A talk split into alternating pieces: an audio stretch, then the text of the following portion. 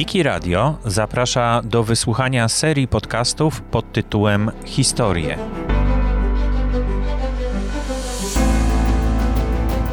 Prawdziwe zdarzenia opowiedziane przez tych, którzy je przeżyli.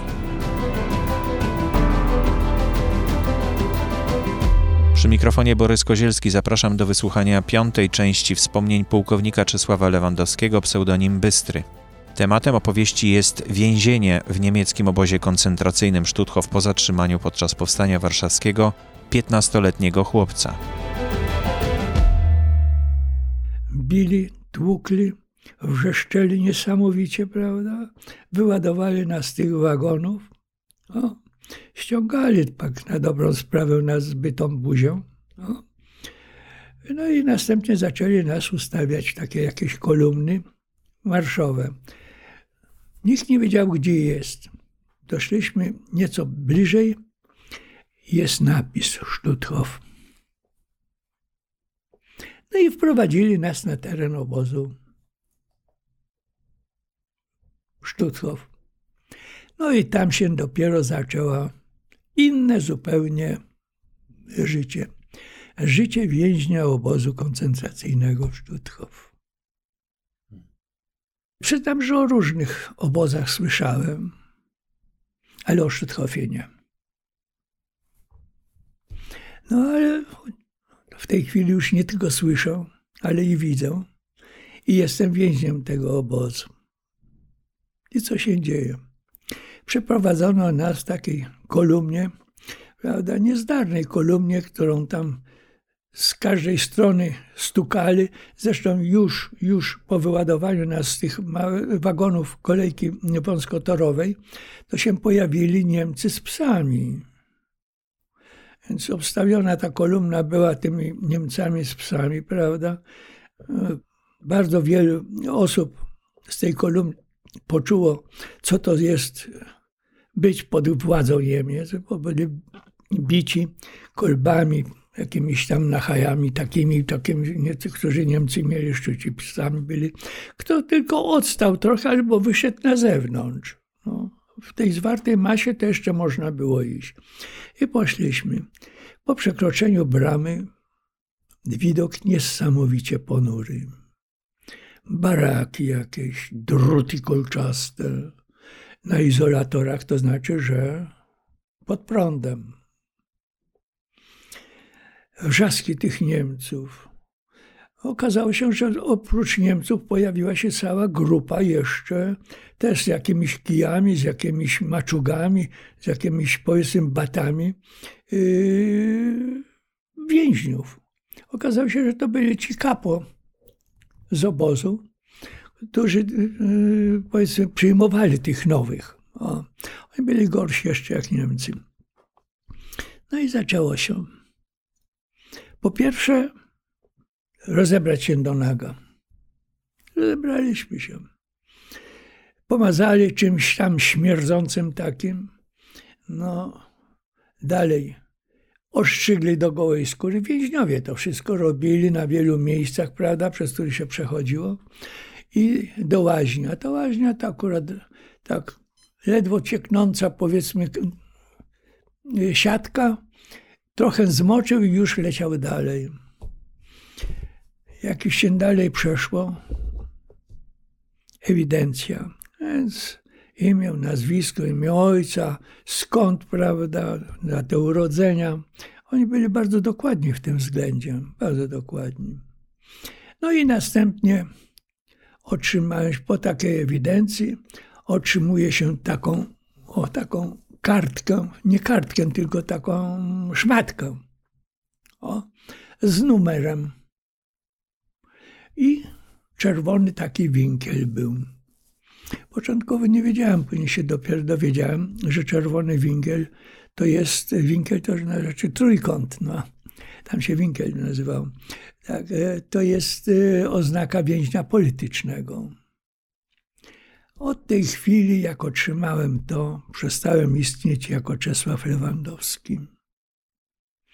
Moją tożsamością był tylko numer obozowy. Nim się miałem przedstawiać, nim miałem odpowiadać, numerem mnie wywoływano, przestałem istnieć jako człowiek. Byłem numerem. Zresztą to, że byłem numerem, to jeszcze pół biedy, bo tam wszystko robiono, żeby nie być człowiekiem, ale to już jest ciut później. No i zostaliśmy skierowani, proszę pana, do takiego baraku, gdzie powiedziano nam, że przechodzimy okres kwarantanny. I tam mieliśmy się nauczyć wszystkich czynności, wszystkich praw i obowiązków oraz sposobu postępowania w obozie. No, kto tam kierował? Kapo. Rzecz jasna z tymi swoimi, powiedzmy, nieodzownymi yy, no nazwijmy to uzbrojeniem, tak, żeby przywołać wszystkich do właściwego porządku. Zaczęło się od tego, że każdy musiał dostać po karku, wiedział, że ma być zdyscyplinowany. A następnie uczono nas, jak mamy się zachować, gdy spotkamy Niemca lub kapo. Jak się mamy ukłonić, jak mamy czapkę zdjąć, jak mamy dać mu przejście. Tak? Następnie nauczono nas, co nam, co nam nie wolno. Wszystkiego nie wolno. Co wolno, nic.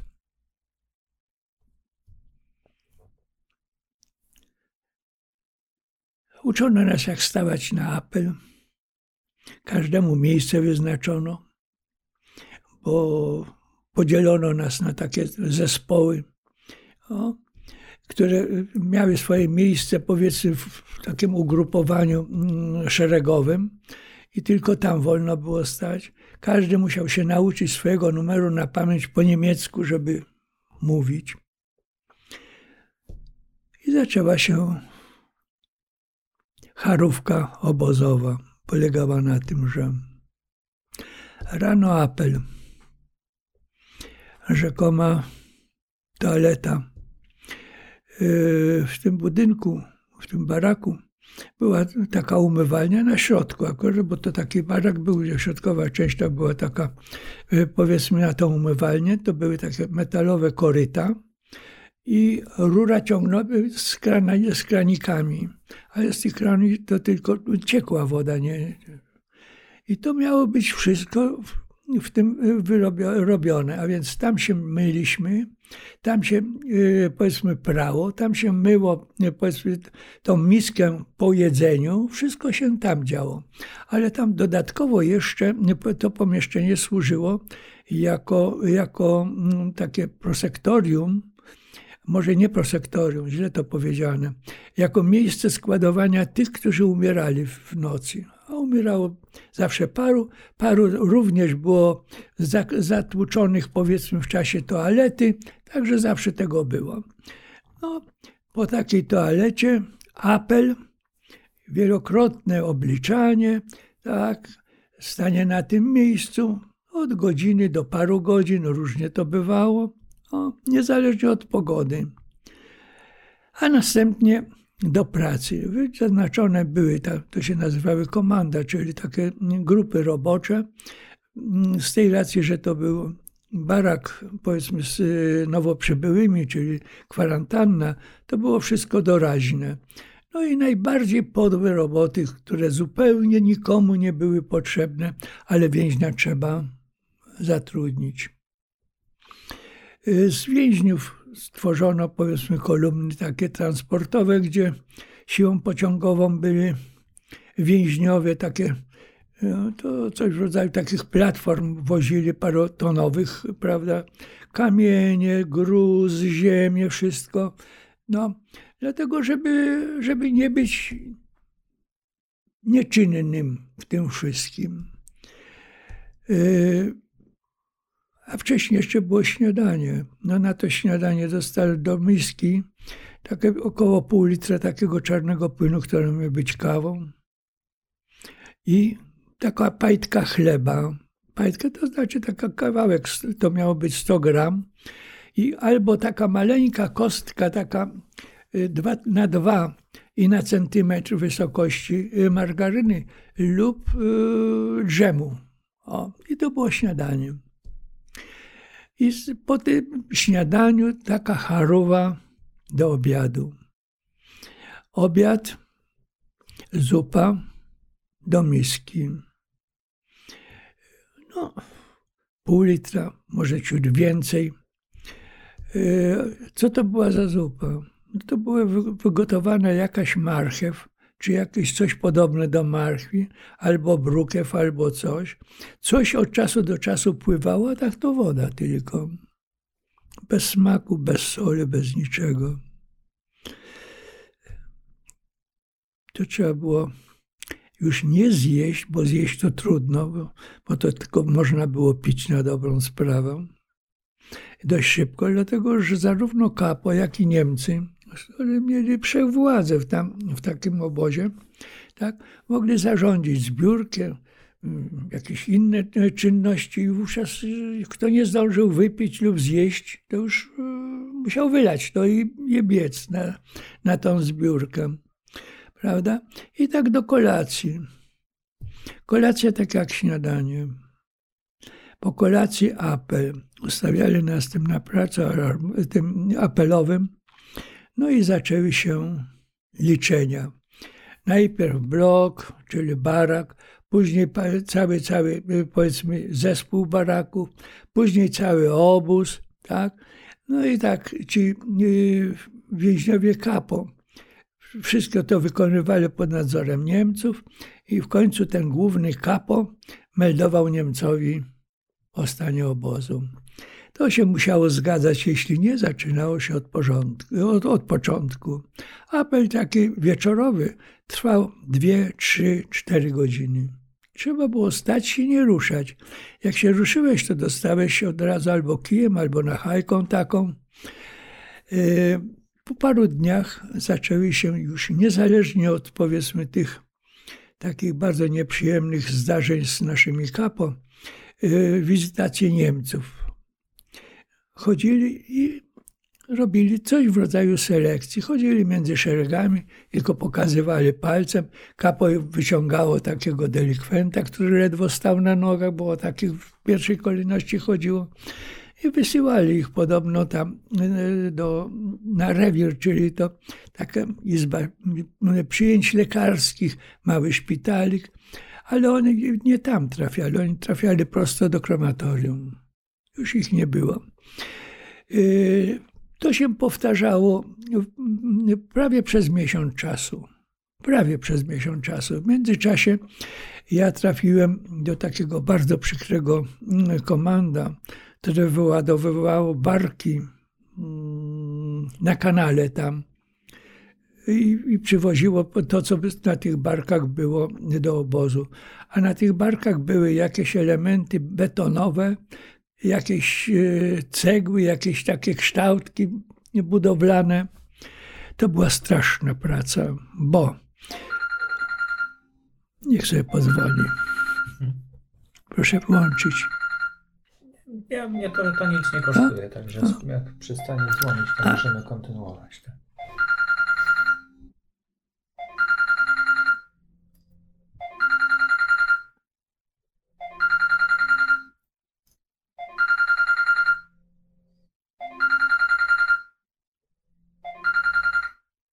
No i już. Y, dlaczego straszna? Bo Barka ma, to były takie barki powiedzmy zupełnie puste, bez, bez tylko takie zagłębienie, prawda, i to wszystko tam było złożone.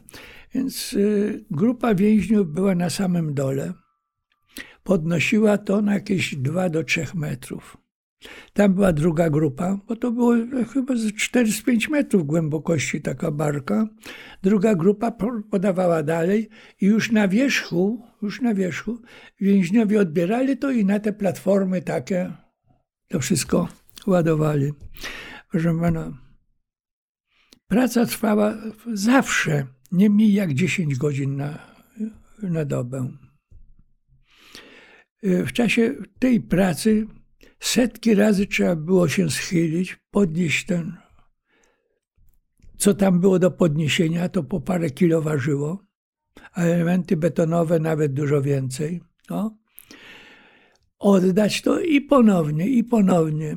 To była tak zabójcza praca, że po tych 10 godzinach nie wiedział człowiek, gdzie był, co robił i jaki, gdzie się znajduje. Ale to jeszcze było nie wszystko, bo trzeba było wrócić do obozu jeszcze i to w szyku zwartym, prawda? O, pod nadzorem Niemców i tych psów, które oni prowadzili. A to było około 4-5 kilometrów. Jak wracaliśmy, to wszyscy padali z nóg. Nikt nie mógł stać na nogach. Każdy unikał tej, y, powiedzmy, tej grupy pracy, tego komanda, no ale nie zawsze się udawało. Nie da, zawsze się udawało. E, ja trzy razy byłem w tym komandzie tam, ale już drugi raz tam ze mną pracowali tacy więźniowie, którzy byli już y, od dwóch, trzech lat w obozie. Ja nie wiedziałem, zresztą do końca nie wiedziałem, dopiero po wyzwoleniu się zorientowałem, a później wyczytałem, że tam była jakaś, jakaś konspiracja w tym obozie. I ci starzy więźniowie mnie, takiego chłopaka, takiego mikrusa, starali się nieco uchronić. Więc y, wyciągali mnie tam gdzieś w kąt, żeby mnie schować. No nieraz się udało, nieraz się otrzymało takie baty, że aż trudno mówić. No ale taką opiekę ze strony ich. No ale ta opieka, ona się później rozciągnęła nieco szerzej, bo bo w obozie, tam gdzie były wyznaczane te komanda do pracy, to mnie wyciągali ci starzy więźniowie gdzieś tam w jakiś kącik i wpychali w taką grupę, która miała łagodniejszą pracę.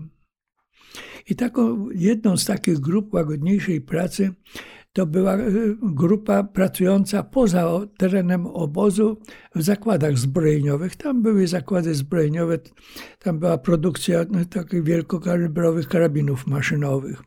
To takie wielkie hale produkcyjne były tuż, tuż przy e, tych drutach, ale już poza obozem. I mnie tam wcisnęli. Rzecz jasna, tam to, to już był luksus w porównaniu ze wszystkim innym. Owszem, 10-godzinna praca, nie, tam 12-godzinna praca była, tak, ale było zupełnie inaczej. Niemcy nie szaleli tam, a ci majstrowie to byli starzy Niemcy, nie wiem czy na emeryturze, czy, czy walidzi, czy jacyś inni.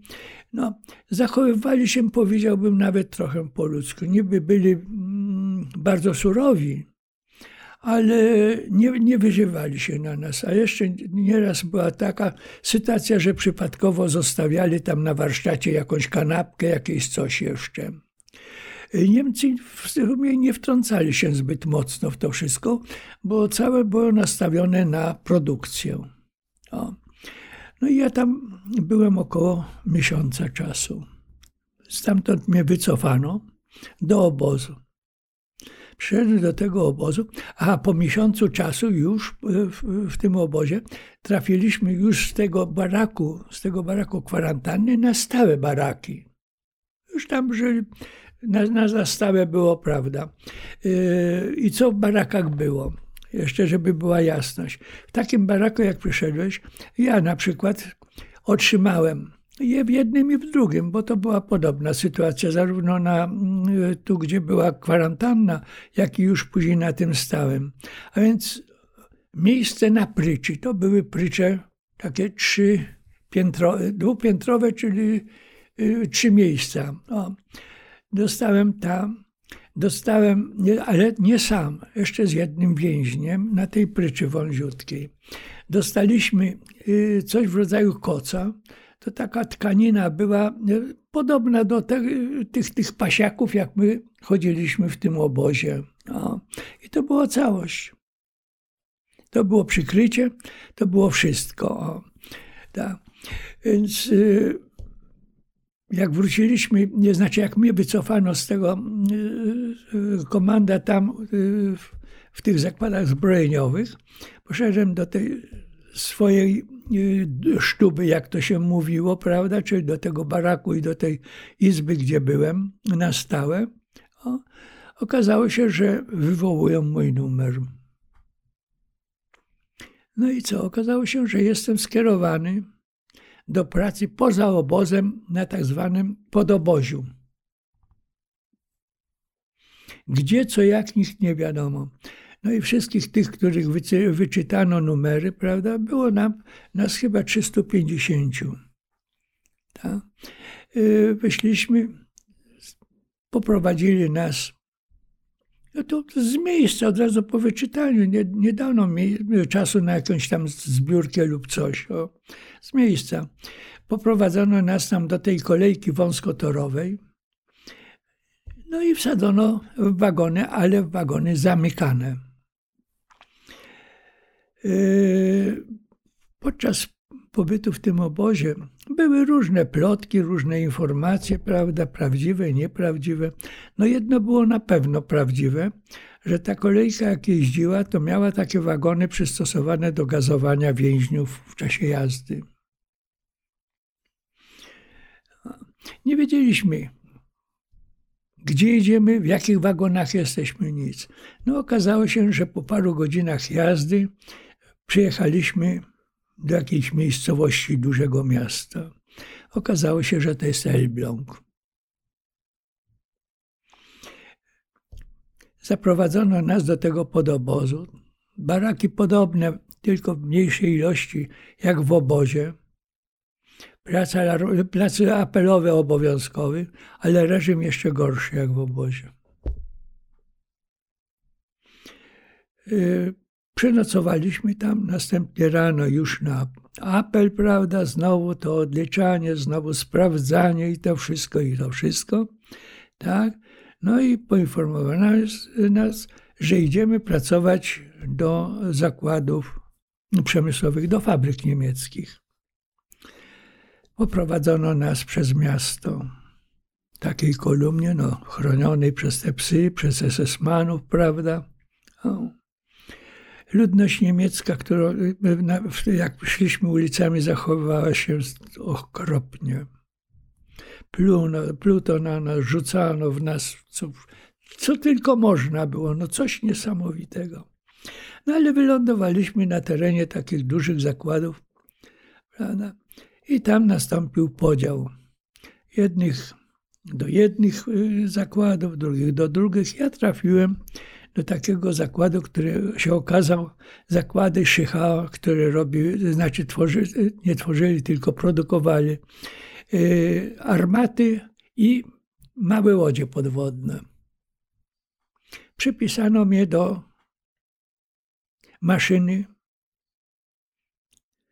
do szlifowania takich płytek do, do działu jakiegoś, do, do jakichś tam armat. I reżim taki. Praca od godziny siódmej rano do pierwszej, pół godziny przerwy i do siódmej. Jedzenie dowozili z obozu. Yy, majstrami byli Niemcy, też tak jak i w, tamtym, w tamtych zakładach, starzy Niemcy, ale chyba jeszcze bardziej łagodni od tamtych. Nie, naprawdę byli w stosunku do nas naprawdę łagodni. No chyba, że ktoś coś tam spartolił, to już, to już trzeba było, bo byli tylko w jednym, bardzo konkretni, w dokładności i w ilości wykonywanych detali, które były narzucone. No. no i stanąłem przy tej szlifierce i zacząłem to robić. 12 godzin na nogach przy szlifowaniu. A później powrót przez miasto to było około 3 kilometrów do tych zakładów, bo one nad kanałem tam były. A to był okres jesieni, a później już prawie okres zimowy, bo to już był grudzień, koniec listopada, grudzień. Temperatura w granicach 15-20 stopni minus, duże śniegi, duże nawilżenie, jedzenie gorsze jak w obozie, reżim straszliwy. nie było dnia, żeby nie otrzymać porządnych batów. No i jeszcze ta charówka, powiedzmy, w drodze, w tą i z powrotem. No i naturalnie po powrocie wielogodzinny apel. Spać mogliśmy w granicach, powiedzmy, dwóch, trzech godzin, bo tak się to, to zamykało. No i tak żyliśmy. Ludzie padali niesamowicie. Niesamowicie. Proszę sobie wyobrazić, że ja wybiegam trochę za, za to, że do końca, prawie do końca stycznia, dwukrotnie był uzupełniany stan tego podobozu. Bo ludzie umierali tak gwałtownie, strasznie dużo. No i tam był, oprócz wszystkiego, co było nadmiarem, jeszcze jeden taki epizod. Chyba to był dzień wigilijny, 24 grudnia. Szliśmy przez to miasto, a to dnie krótkie, więc wracaliśmy rzecz jasna po ciemku już, prawda? Pilnowali to pilnowali, ale w tych naszych, y, powiedzmy, zespołach, w tych naszych grupach więźniów było dużo kaszubów. I widocznie oni sobie zorganizowali, jakoś się zapewnie umówili ucieczką w czasie tego przemarszu. I gdy wracaliśmy, nastąpiła ta ucieczka. No to się dopiero zaczęło. Rewetes, strzelanina, szczucie psami wszystkich i, i każdego oddzielnie, bicie, zbicie wszystkich w jedną grupkę, prawda, otoczoną. No i pogoń za uciekinierami. W końcu nas biegiem doprowadzono do tego podobozu, postawiono na placu apelowym. Po, po, policzono, ilu nas jest, chyba z 10 czy 15 razy. Okazało się, że 12 więźniów nie ma.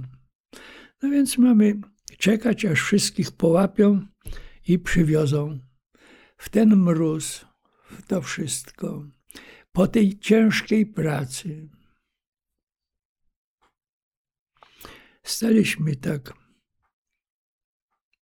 Chyba już w pierwszy dzień świąt, całą noc staliśmy, bo staliśmy ponad dobę tam. Pierwszy dzień zaczęli przywozić, nie przyprowadzać, przywozić uciekinierów. Rzecz jasna nie żywych, tylko zastrzelonych. Nie wiem, czy w czasie ucieczki, czy już po, po, po, po przechwytaniu. I żeby było bardziej perfidnie, postawili Niemcy choinkę na tym placu apelowym. Taką platformę samochodową otworzyli, wyłożyli tą choinkę i tych, co przywozili tych nieboszczyków pod tą choinkę. A my stamy. Proszę pana, ponad, ponad grubo ponad połowa wszystkich więźniów wówczas, powiedzmy, zginęło. Staliśmy, nie wolno było się ruszyć, więc robili wszyscy ubrania. Smród, mało tego, wszyscy zamrożeni jak sopelki lodu. Jeżeli się ktoś ruszył, Niemcy od razu przychodzili, i strzelali. Albo podchodził kapo, a był taki szczególnie niebezpieczny jeden kapo, to miał taką, mm, taki, taki bicz y, ruchomy na takiej y, skórze z taką kulą. To chyba owiana czy coś było. Podchodził, walił i koniec już nie było. No pokotem leżeli wszyscy. Jak nas zwolnili z tego, to prawie na czworakach się doczołgaliśmy do baraków. Do tego stopnia, że nawet następnego dnia już nie wyprowadzili nas na, do pracy. Dopiero, dopiero w kolejnym dniu wyprowadzili do pracy, ale w zamian tych, co zginęli, od razu przyjechała grupa innych. I tak to trwało, proszę pana, do, prawie że do końca stycznia. W każdym razie do drugiej połowy stycznia. W drugą połowę stycznia Rowetes Wielki pod obozie jest likwidowany i wracamy do obozu. Bardzo szybko podstawili pociąg, tę, tą wąską torówkę, poładowali nas jak, jak szczapki, prawda? I już. Muszę wyłączyć telefon. Wróciliśmy, proszę pana, tym pociągiem zmaltretowany niesamowicie do obozu głównego, do Szuthofu. Ja w międzyczasie, proszę pana, zachorowałem na tym podoboziu tam, na taką obozową chorobę. Nazywała się flegmona. Co to jest? To jest ropownica, która między kością a okostną tworzy się i powoduje gangrenę. Jeżeli nie upuścisz tej ropy, to bardzo szybko gangrena. Ja z taką chorobą wróciłem do obozu. Prawa no, noga to była taka jak bania i zupełnie, zupełnie sina.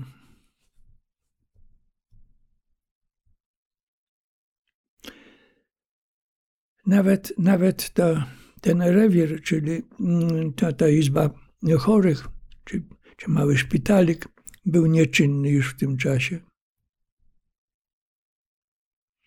Gdy tylko wróciliśmy, poinformowano nas, że obóz jest ewakuowany i będziemy wszyscy ewakuowani. Już następnego dnia potworzono z nas, z tych więźniów, takie kolumny po 1200-1300 osób. No, obstawione niesamowicie Niemcami, z Osmanami, z tymi psami i wyprowadzono z obozu. To był koniec stycznia. Mróz w granicach 20 stopni, śniegi po pas prawie. Głodni wróciliśmy stamtąd zmaltretowani. To otrzymaliśmy tylko trzy takie porcje chleba, to znaczy trzy pajtki. Tak? Na, na drogę i nic więcej. Zaczęliśmy iść.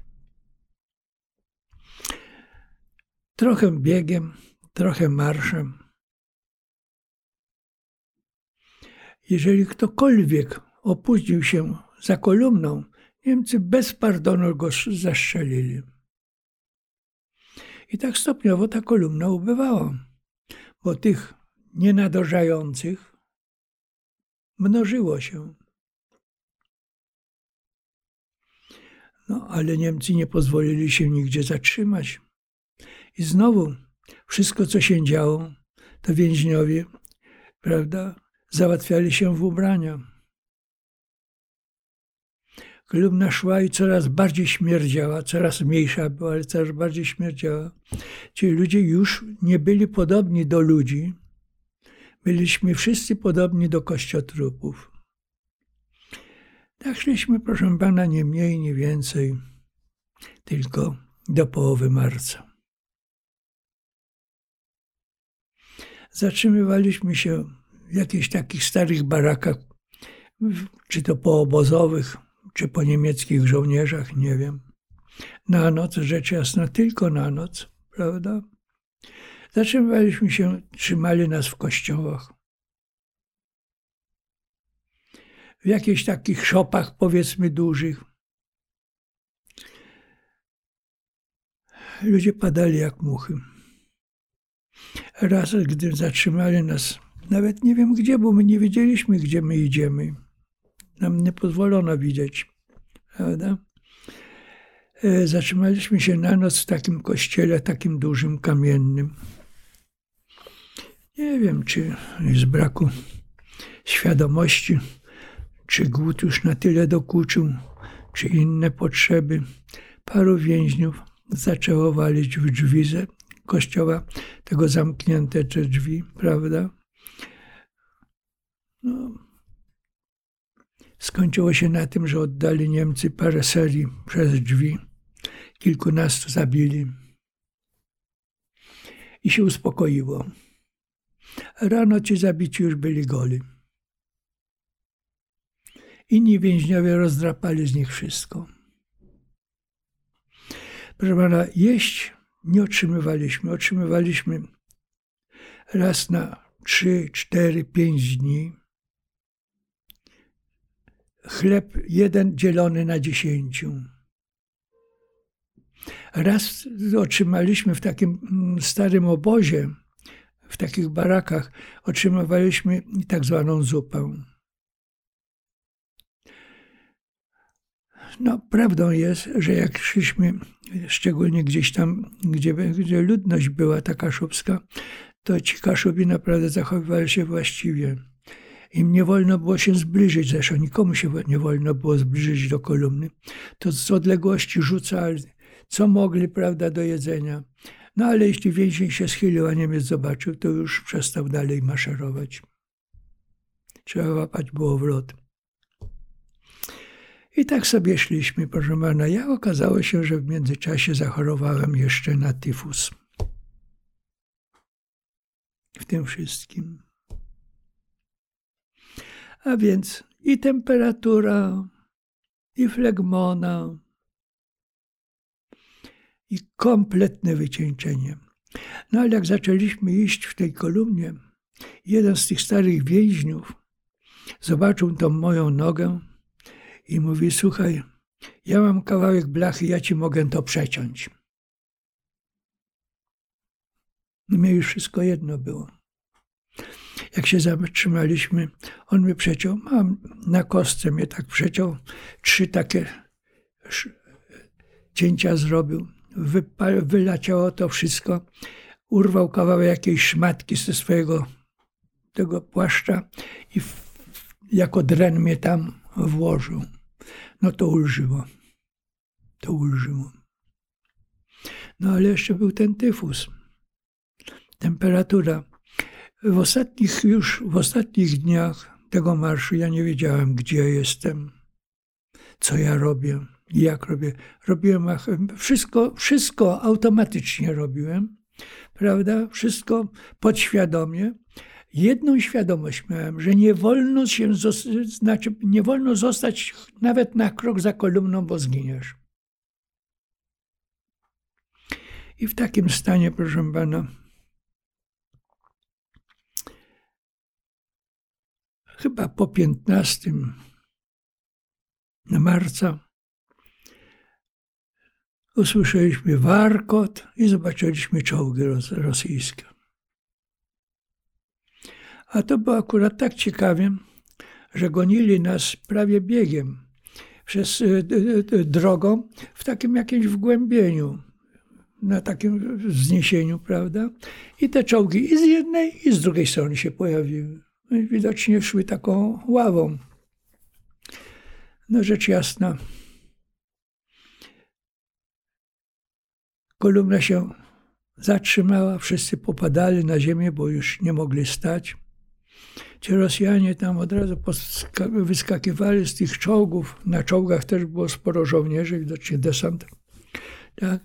Przyszli zaszokowani zobaczyli takich powiedzmy nieboszczyków chodzących. No wyłapali tych Niemców, co nas prowadzili, wszystkich zastrzelili na miejscu. Mnie dwóch Rosjan podniosło z tej ziemi i zaprowadzili tam w pobliżu był taki jakiś budynek. Zaprowadzili do tego budynku. Tam w tym budynku była jakaś kobieta, zapewne Niemka. Nie wiedziałem, co to było. Coś z nią mówili, w każdym razie wiem, że zostałem tam i pamiętam tylko jedno, że mam poczekać, że przyjedzie po mnie sanitarka. I byłem tam. Ale już następnego dnia do tegoż samego budynku przyszło dwóch takich drabów. Nawet powiedziałbym, że wypasionych na warunki wojenne. Okazało się, że to byli Żydzi, którzy gdzieś tam w jakichś szczególnych zakładach prowadzili, e, znaczy pracowali. O. Oni tu będą teraz mieszkać. Chłopaka za kark wyciągnęli takiego leżącego za próg i zostawili za progiem. Ta kobieta, ta nie, chyba to była Niemka, prawda? Coś tam mówiła, wiem, że ją bardzo pobili. A ja leżałem, a oni się tam zaczęli gospodarzyć. Nie wiem, czy to po paru godzinach, czy po paru dniach. Przyjechała sanitarka, tak, w białych fartuchach dwie dziewczyny, jakiś gość w białym fartuchu, czy lekarz, czy ktoś, nie wiem, no. Zabrali mnie na nosze bez pytania i do samochodu. No ale równocześnie zobaczyli, skąd mnie zabierają. Nie wiem, jaka tam rozmowa była. Wiem, że tylko była duża awantura z tymi drabami. Wiem, że ich mocno potłukli. Na koniec wiem, że ich wyprowadzili. Co zrobili, nie wiem. Słyszałem serię. Ale czy ich zastrzelili, czy ich tylko straszyli, żeby uciekli, tego to nie wiem. I trafiłem do polowego szpitala Armii Radzieckiej. Gdy w szpitalu się ocknąłem, to powiedziano mi, że przez tydzień byłem nieprzytomny. Ważyłem 34 kilo. Podobno bardzo dużo wysiłku włożyli, żeby mnie utrzymać przy życiu. W szpitalu tam leżałem dwa miesiące. Wykurowano mnie. No może dlatego, że byłem taki szczeniakowaty. No naprawdę miałem cudowną opiekę ze strony wszystkich, ale najważniejsze to jeszcze co innego. W tym szpitalu leżeli naprawdę mocno, mocno poszkodowani żołnierze. Bez rąk, bez nóg, ślepi, uparzeni, prawda. Nawet ci tak mocno, powiedzmy, poszkodowani ludzie też no, wyrażali tyle opieki, jak, jak tylko mogli, tyle powiedzmy do, dobroci, że to przechodziło wszystko. Po dwóch miesiącach komendant tego szpitala mówi: Malczyk, czas do domu. Wyposażyli mnie w worek taki, jak żołnierze radzieccy mieli. Dali mi chleba, chyba dwa czy trzy bochenki tam jakiś konserw, jeszcze czegoś. No i poszedłem. Ale gdzie ja mam iść? Byłem jeszcze bardzo słaby mimo wszystko. No. Pytałem się, jak się dostać do Warszawy. To powiem. Nikt nie wiedział, a w końcu się dowiedziałem. Tam ktoś mnie powiedział, słuchaj, tam gdzieś jest jakaś stacja na, mnie, y, na końcu tego miasta, towarowa jakaś, i stamtąd odchodzą towarowe pociągi do Warszawy. No i zacząłem szukać tego i znalazłem. No. Okazało się, że rzeczywiście takie są. No jeden pociąg był przygotowywany, okazuje się i z rannymi, nie tylko z rannymi, prawda, do y, transportu. Ale gdzie i jak? No, nikt mnie nie weźmie do wagonu, bo nie wolno. To siadłem sobie na zderzaku. Przywiązałem się sznurkami do tych występów i tak przez dwa czy trzy dni jechałem do Warszawy. I tak przyjechałem do Warszawy.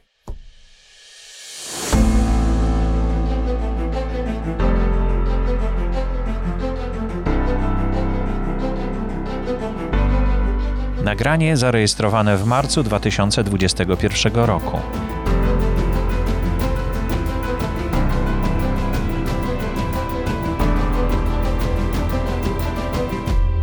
To był odcinek podcastu Wiki Radia serii Historie. wspomnienia pułkownika Czesława Lewandowskiego. Pozostałe odcinki dostępne są w podcaście Historie w czytnikach podcastów i w Wikimedia Commons w kategorii Podcasty dla Wikipedii.